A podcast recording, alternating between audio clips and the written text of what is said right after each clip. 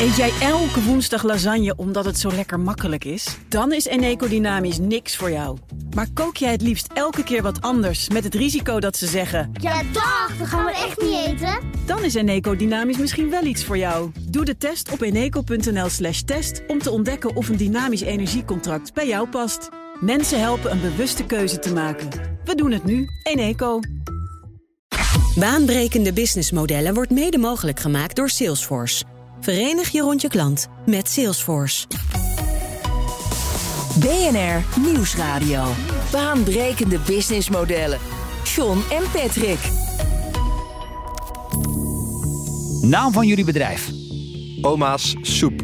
Is het niet een beetje zonde dat je de helft van je winst weggeeft? Nee, dat is uh, alleen maar beter om meer impact te maken. Welk advies heb jij aan de ondernemer die morgen voor het eerst om tafel gaat met de category manager van een supermarkt? Ja, uh, zorg dat er een duurzaam uh, aspect aan zit en het liefst een sociaal aspect. Wat heb je nu nodig om dit concept nog veel groter te maken? Verkoop van soep in het buitenland.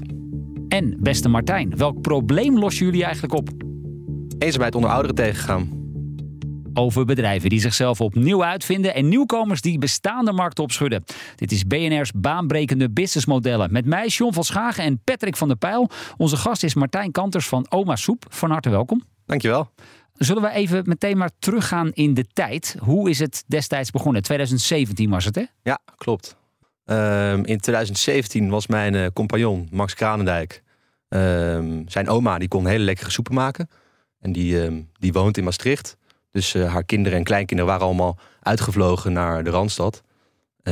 ja, waardoor ze best wel een beetje eenzaam raakte. En ja, hij vond dat natuurlijk sneu en hij zag dat. En hij praatte toen ook met een andere vriend van ons die uh, kooschappen deed. Dus die zag uh, in de uh, verzorgingstehuizen heel veel eenzaamheid onder ouderen. En zo kwam hij er eigenlijk bij dat het een best wel groot probleem is in Nederland. Um, en toen dacht hij, nou, mijn oma kan lekkere soepen maken. ouderen die hebben niet heel veel te doen, zijn eenzaam. Laten we de jongeren en ouderen samenbrengen om, om soep te maken. En vervolgens zijn jullie in een soort buurthuis als een lokaal initiatief. Is dat begonnen, hè? Hoe Ja. ging dat destijds? Klopt, nou, het was eigenlijk altijd al het idee om die soep vervolgens te verkopen. Dus het idee was wel om met de ouderen, eh, bij wijze van spreken in de fabriek, samen soepen te maken. Dat ze daar een eh, soort van bezigheid in hadden. Eh, toen zijn we naar een buurthuis gegaan om dat te testen. Dus daar zijn eigenlijk allemaal groentes van de supermarkt die anders weg worden gegooid. Werden op tafel gegooid en dan was er een oma die nam de leiding. En die eh, zeiden, nou, ik heb een lekker recept voor de tomatensoep. Vandaag gaan we die maken. En dan gingen jong en oud gingen samen soep maken. En dat was dan heel gezellig. En uiteindelijk kwam er een eh, heerlijke tomatensoep met eh, verse basilicum op tafel, die nu ook in de supermarkt wordt verkocht. En ehm, nou ja, zo eh, was het eigenlijk een beetje ontstaan. Wat zei je oma als eerste eigenlijk van, nou, eh, gaan andere mensen dat wel lekker voelen? Wat was haar eerste reactie toen jullie dat idee hadden? Ja, ze vond het wel grappig inderdaad dat het eh, ook werd verkocht, daadwerkelijk. Dus ehm, het was ook wel, toen het met de oma's werd gemaakt, was de kwaliteit niet altijd even goed. Want er zijn meerdere handen. Oma's. Ja, meerdere handen die eraan zitten. En je ziet in de keuken ook vaak, nou, eh, oma's, de, de ene wil de leiding nemen, maar de andere zegt, moet je niet dit doen. Dus eh, dan werd er te veel gember in de soep gegooid. Of, eh, nou, en dan, eh, dan was de soep in één keer niks en dan konden we niet meer verkopen. Dus eh, ja, nee, ehm, sowieso het idee vonden mensen heel leuk. En op een gegeven Maar het klonk wel, zoals je het nu uitlegt, als een heel sympathiek, maar ook heel lokaal initiatief. Hadden jullie toen al wel de visie om dit veel groter te maken? Ja, dat idee was er wel. Want we wilden echt de soepen eh, echt aan iedereen gaan verkopen. Want ja, oma soep, dat is natuurlijk de lekkerste soep die je van je oma krijgt. Dat wilden we echt gaan verkopen. Alleen kwam je toen er tijd, toen we daar ging beginnen, natuurlijk liep je tegen een paar dingen aan. Zoals, eh, nou, de soepkwaliteit is niet altijd hetzelfde. Omdat inderdaad soms oma Jetty daar in één keer een eh, gember bij gooit. Eh, of eh, hygiëne. Dat is natuurlijk ook heel belangrijk als je in de supermarkt wil liggen. Dus daar waren dingen. En ook het belangrijkste, eh, toen we in één keer 100 liter soep moesten verkopen, ja, dan moesten we wel tegen ze zeggen: jongens, eh, of oma's, jullie moeten aan de slag. Eh, Even niet met de ja, kleinkinderen. ja, dus eh, ja, dat werd gewoon op een gegeven moment ging dat zijn doel een beetje voorbij. Het was echt gewoon eh, een soort fabriek was het. Ja, dan werd de sfeer er niet eh, beter op. Nee. Maar het ook echt allemaal oma's, want opa's die kwamen niet in, of zijn er ook wel opa's die... ja, eh, die, we hadden ook soms opa's met recept, maar die mochten vooral het snijwerk doen en eh, die mochten niet in de keuken komen. Ja. Dus eh, ja, dat, dat, zo Want- ging dat. Ja. Als je dat even afzet naar vandaag de dag, waar is oma soep inmiddels verkrijgbaar? Bij de Spar, bij de Albert Heijn, bij Picnic, eh, bij de flitsbezorgers, dus bij Gorilla's, Flink, Getir, eh maaltijdservice.nl. Ook het goed om te noemen.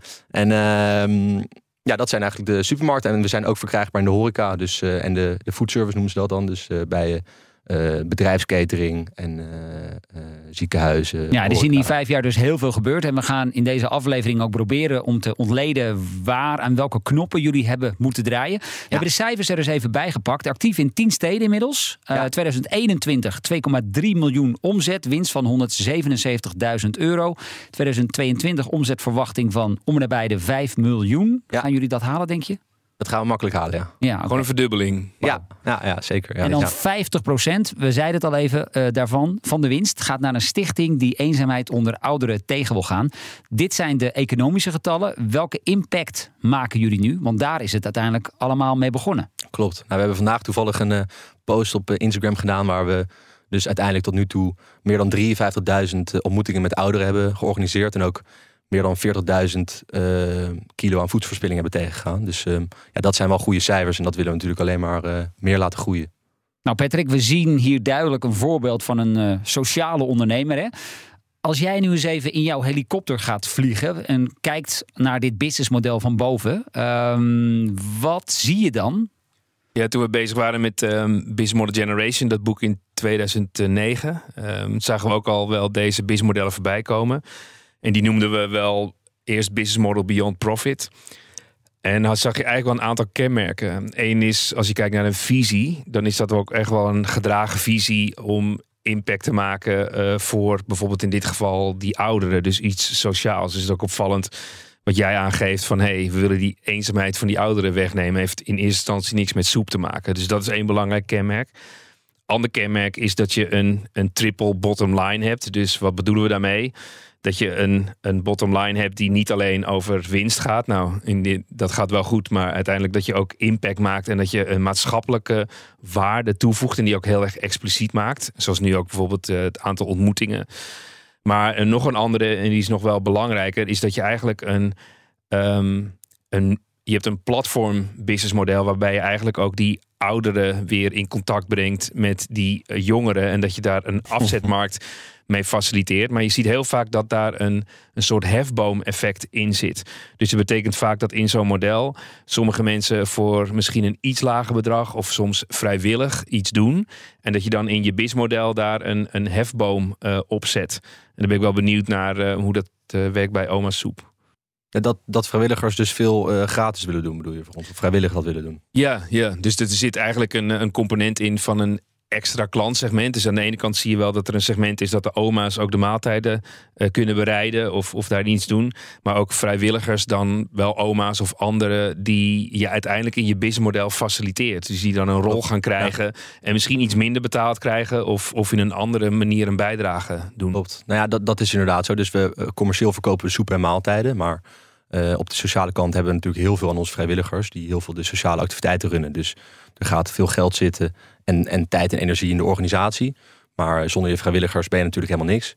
Dus eh, we, hebben echt, we zijn wel inmiddels een van de grootste vrijwilligersorganisaties eh, van Nederland inmiddels. Met meer dan 1100 vrijwilligers in eh, 10 steden. En ja, die zijn er natuurlijk op die kookdagen allemaal bij. En die moeten die connecties maken met die ouderen. Dat, zodat, en dat is soms voor die ouderen is dat het enige contactmoment wat ze wekelijks hebben. Dus Ja, want, want als je dan ehm, die bekijkt als een segment in je businessmodel, wat is dan de propositie als je die vrijwilligers zou vragen waarom zij heel graag mee willen doen? Wat halen zij eh, daaruit? ja, voldoening natuurlijk sowieso. Dus je merkt dat mensen sowieso vaker eh, naast hun baan iets willen doen. Of naast hun studententijd dat willen doen. En vaak wat, wat voor ehm, structuur wij hebben eh, gedaan is, of, doen is... Wij maken studentenbesturen. Dus, elk, dus een, bijvoorbeeld een stad in Maastricht wordt gerund door zes men- mensen uit het studentenbestuur.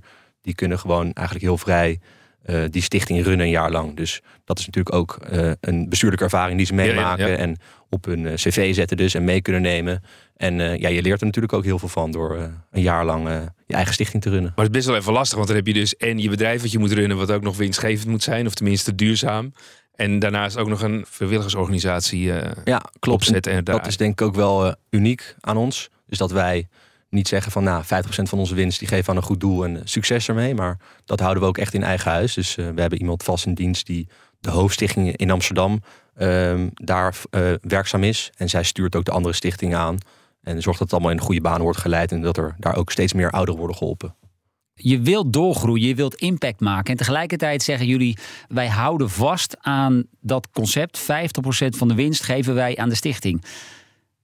Knelt dat soms ergens? Dat je denkt, oh, als we, die, als we die winst wel zouden hebben, zouden we misschien nog wel sneller kunnen uitbreiden, sneller doorgroeien. Ja, je hebt natuurlijk eh, als je.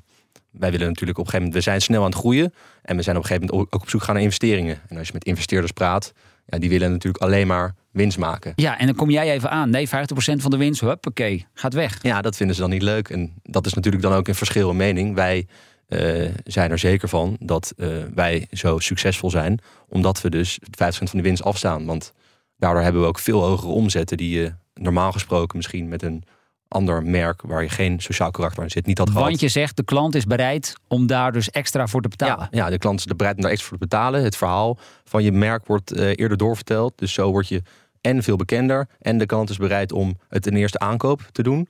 En daarnaast is het natuurlijk super belangrijk dat het ook gewoon lekkere en verse soepen en maaltijden zijn. En Want daar zeg je inderdaad iets treffends. Patrick, ik kijk even naar jou. Kopen mensen nu oma soep omdat het gewoon heel lekker is? Of is het vooral vanwege dat sociale karakter? En waarom zou het belangrijk zijn om dat, om dat te weten? Ja, John, dan moet ik je even iets eerlijk bekennen. Ik eet al heel lang oma soep. Ah, kijk. En ik was mij daar dus niet van bewust. Dus ik dacht, Oh, is het een uh, goede marketingboodschap en eigenlijk dan een hele slechte, omdat je het puur gebruikt om uh, als verpakking.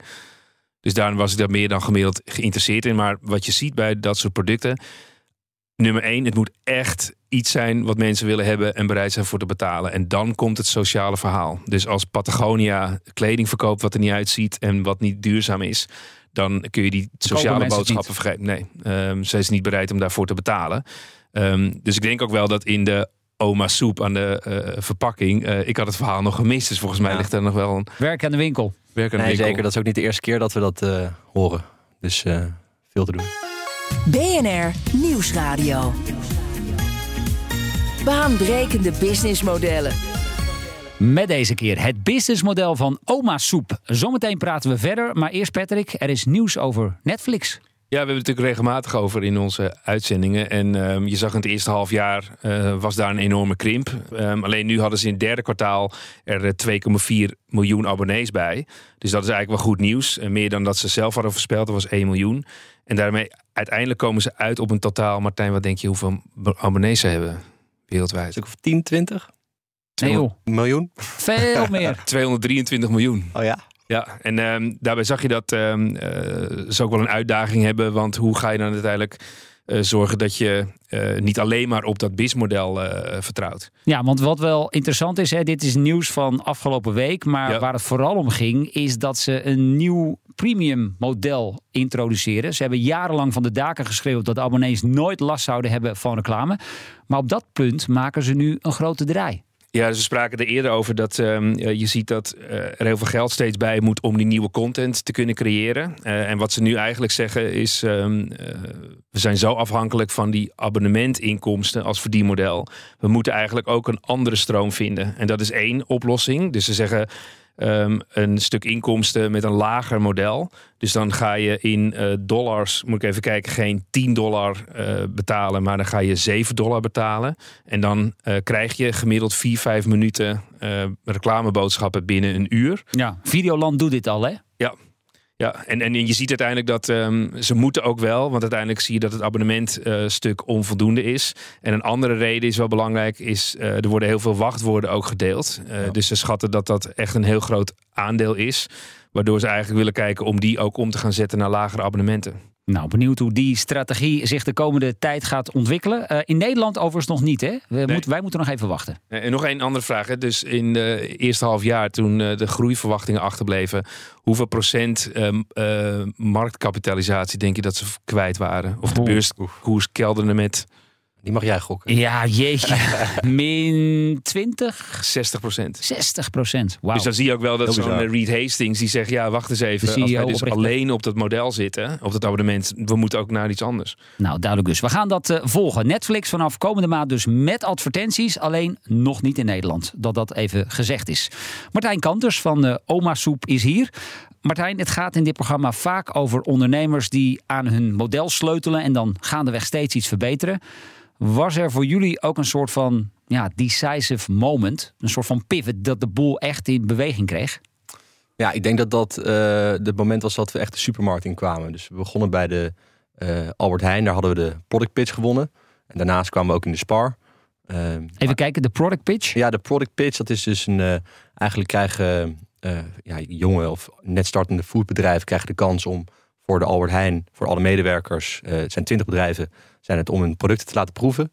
En eh, de zes lekkerste die krijgen de kans om voor een eh, jury ook hun verhaal te doen. En de jury kiest op een gegeven moment een, eh, een winnaar. En eh, die krijgt dan de kans om in 100 winkels, ja, dat is dan eh, redelijk eh, klein vergel- bij de Albert Heijn, eh, te starten met je product. En ehm, ja, oma Loekie was met ons mee en die heeft, eh, eh, die heeft een hele mooie eh, speech gehouden. Voor Die heeft de jury verpletterd. Ja, dat was, eh, die waren unaniem het Hoe erover oud is eens. oma Loekie? En die is eh 75, nog niet eens zo heel oud. Dus eh, ja, wel eh, Maar nog redelijk- hartstikke vitaal. ja, hartstikke vitaal, hartstikke gevat. Dus eh, die wist precies op welke knop ze moest drukken bij de jury. En eh, nou, ze, hebben, ze heeft de harten veroverd. Dus zo begonnen we. En hoe lang geleden is dat? Dat is in 2000, eh, begin 2019 geweest.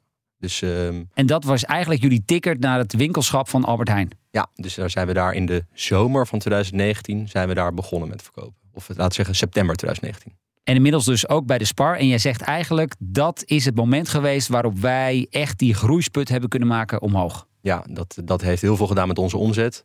Eh, toen waren we actief in, eh, in één stad, dus in Amsterdam. Eh, toen kwam bijvoorbeeld, kregen we de kans om Groningen en Utrecht erbij te doen, om daar stichting op te zetten. Maar hoe heb je dat dan aangepakt met de productie? Want je gaf in het begin al aan van ja, we hadden oma's die deden er liever wat eh, extra gember bij. Ja, ja, of ja. oma's die deden het liever weer op hun manier. Maar dan wil je het, dan moet je het stroomlijnen. Klopt, want dan moet je ook aan allerlei certificeringen voldoen en aan, eh, van de hygiëne. En ja, dus zijn we op zoek gegaan naar een productiepartner. Waar gewoon eh, de soepen worden gemaakt eh, op eh, dezelfde kwaliteit, dezelfde consistentie. En spelen de oma's daar nog wel een rol in?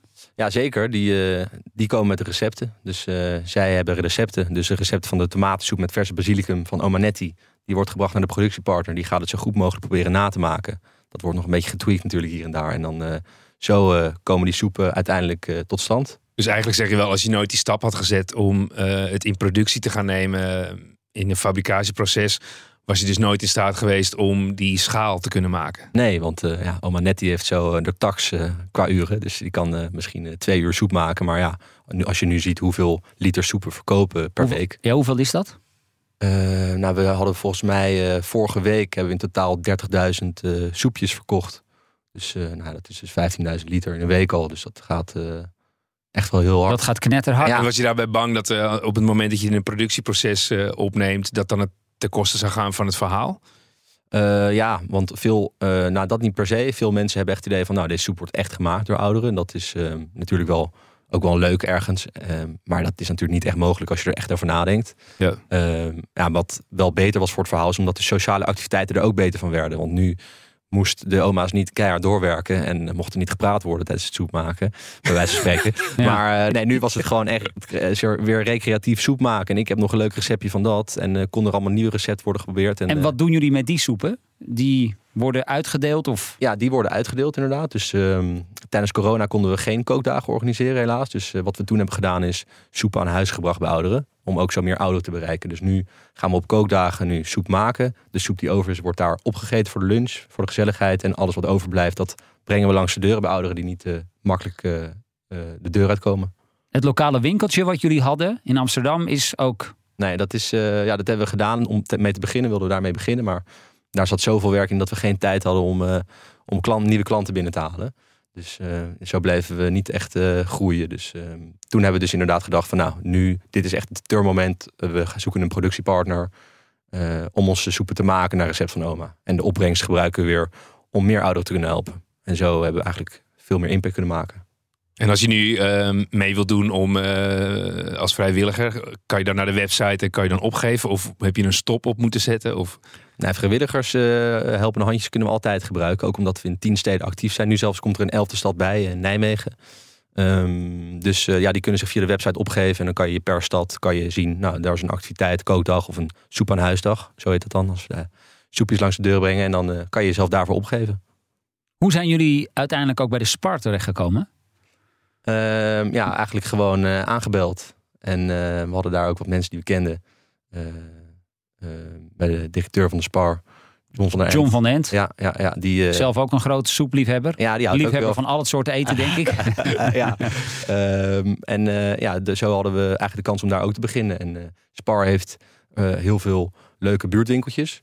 En ook in, in steden natuurlijk. Maar eh, ja, dat is ook iets wat wel goed past bij ons. Dat valt mij dan wel op, hè, Patrick. We hebben het hier vaker over gehad in onze uitzendingen. Als je bij een supermarkt wilt binnenkomen, dan werkt het gewoon aankloppen, aanbellen. Ja. Ergens iemand kennen en vervolgens zeggen van... hé, hey, hier zijn wij, dit is ons product. Ja. Vinden jullie het wat? Ja. Ja. vinden ze het lekker en eh, vinden ze het verhaal goed, past het goed erbij. En dan eh, krijg je de kans en dan eh, moet je jezelf bewijzen. Als je naar, jou, naar, naar die categorieën kijkt, hebben we vaak ook in het programma gehad over de gewone food retail producten in een blikje. Of, eh, maar dan daarnaast zeg maar de eh, ready to eat Ja. eh, en ready to heat. Ja. Eigenlijk is die soep altijd al ready to heat. Eh, Ja. Maar zie jij in de kanalen dat daar een bepaalde vraag dan eh, naar komt? Dus niet alleen in de supermarkt, maar ook bij eh, bezorging of... Ja, nou in de supermarkt sowieso is die eh, convenience eh, categorie echt groeiende. Helemaal echt verse categorie. Dus wij zijn ook, dat was ook denk ik ook een belangrijk turningpunt. Wij zijn op een gegeven moment ook naast soepen verse maaltijden gaan verkopen. En daar proberen we echt hoogstaande maaltijden te verkopen. Eh, niet echt van die normale kant-en-klare maaltijden, maar echt ja, wat je bij wijze van spreken in een restaurant zou kunnen eten. En dan staat er geen oma soep op, of wel? Nee, dat is een goed. Dat was even een belangrijk. dat is wel even een eh, dingetje, ja. Even een hersenkrakertje was dat. Eh, we dachten, we hebben dat oma's maaltijd genoemd. Dus we hebben een heerlijke rendang die Ja. veel wordt verkocht in Dat had ik op zich ook kunnen bedenken. Ja, dat is oma's rendang. Ah, Oma- ja. ja. Ja, dus, maar wel dus van oma soep natuurlijk staat erop. En ehm, ja, dat eh, merken we dus ook dat, dat die categorie van verse maaltijden en verse soepen, dat staat bij elkaar in het schap. Dat dat heel erg aan toenemen is. Dat mensen echt eh, zoekende zijn naar een snelle maaltijd. En wat ook relatief eh, gewoon gezond is en super lekker. Ja, die kunnen wij dan bieden. Ik heb jou ook wel eens horen zeggen, Patrick, één product is geen product. Dus deze diversificatie, dat juich jij toe. Ja, absoluut. Ehm, en ik, ik denk ook, dan, dan kan je uiteindelijk ook een ander spel spelen. Want ik ben ook wel benieuwd als je dan bijvoorbeeld oma soep naast een Unox soep eh, zet. Eh, wat kun je daarover zeggen in, in ingrediënten en gezond, eh, gezondheid? Ja, wij voegen eh, geen eh, suiker toe, toevoegingen eh, om het houdbaar, langer houdbaar te maken. We hebben daar een andere techniek voor om ze langer houdbaar te maken. Is dat een soort geheim van de, van de oma? Of, eh, ja, dat eh, kan ik helaas niet. eh nee, eh, geintje. Nee, dat is. eh, ja, dat, dat wordt vaker gebruikt. Eh, ehm, dat eh, is gewoon een hotfill techniek heet dat. Boven de 80 graden afvullen en vacuüm verpakken. En zo komen er eh, weinig eh, bacteriën bij. En vanaf de fabriek, hoe lang is die dan eh, soep houdbaar? Ja, dat zou soms wel eh eh 30 dagen kunnen zijn. En dan is hij ook echt vers. En ja, dan is hij ook gewoon, dan blijven gewoon alle vitamines goed behouden. En eh, hoef je er dus geen rare E-nummers bij te stoppen.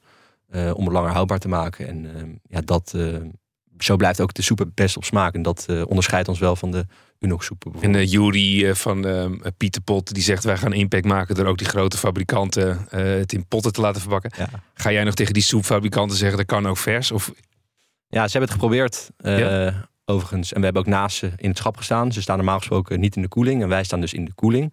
En eh, ze hebben ook geprobeerd om een verse soep te maken in de koeling. En eh toen hebben we naast ze gestaan, waaronder in de spar. En toen verkochten wij veel beter. Omdat ja, ehm, ik denk dat mensen gewoon niet die, ehm, die vers eh, perceptie hebben bij, eh, bij Unox. Dus daar zijn ze weer mee gestopt.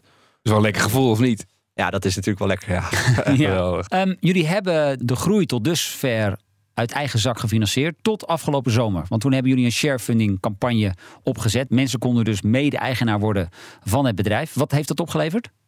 Eh, 500.000 eh, euro. En dat was naar verwachting.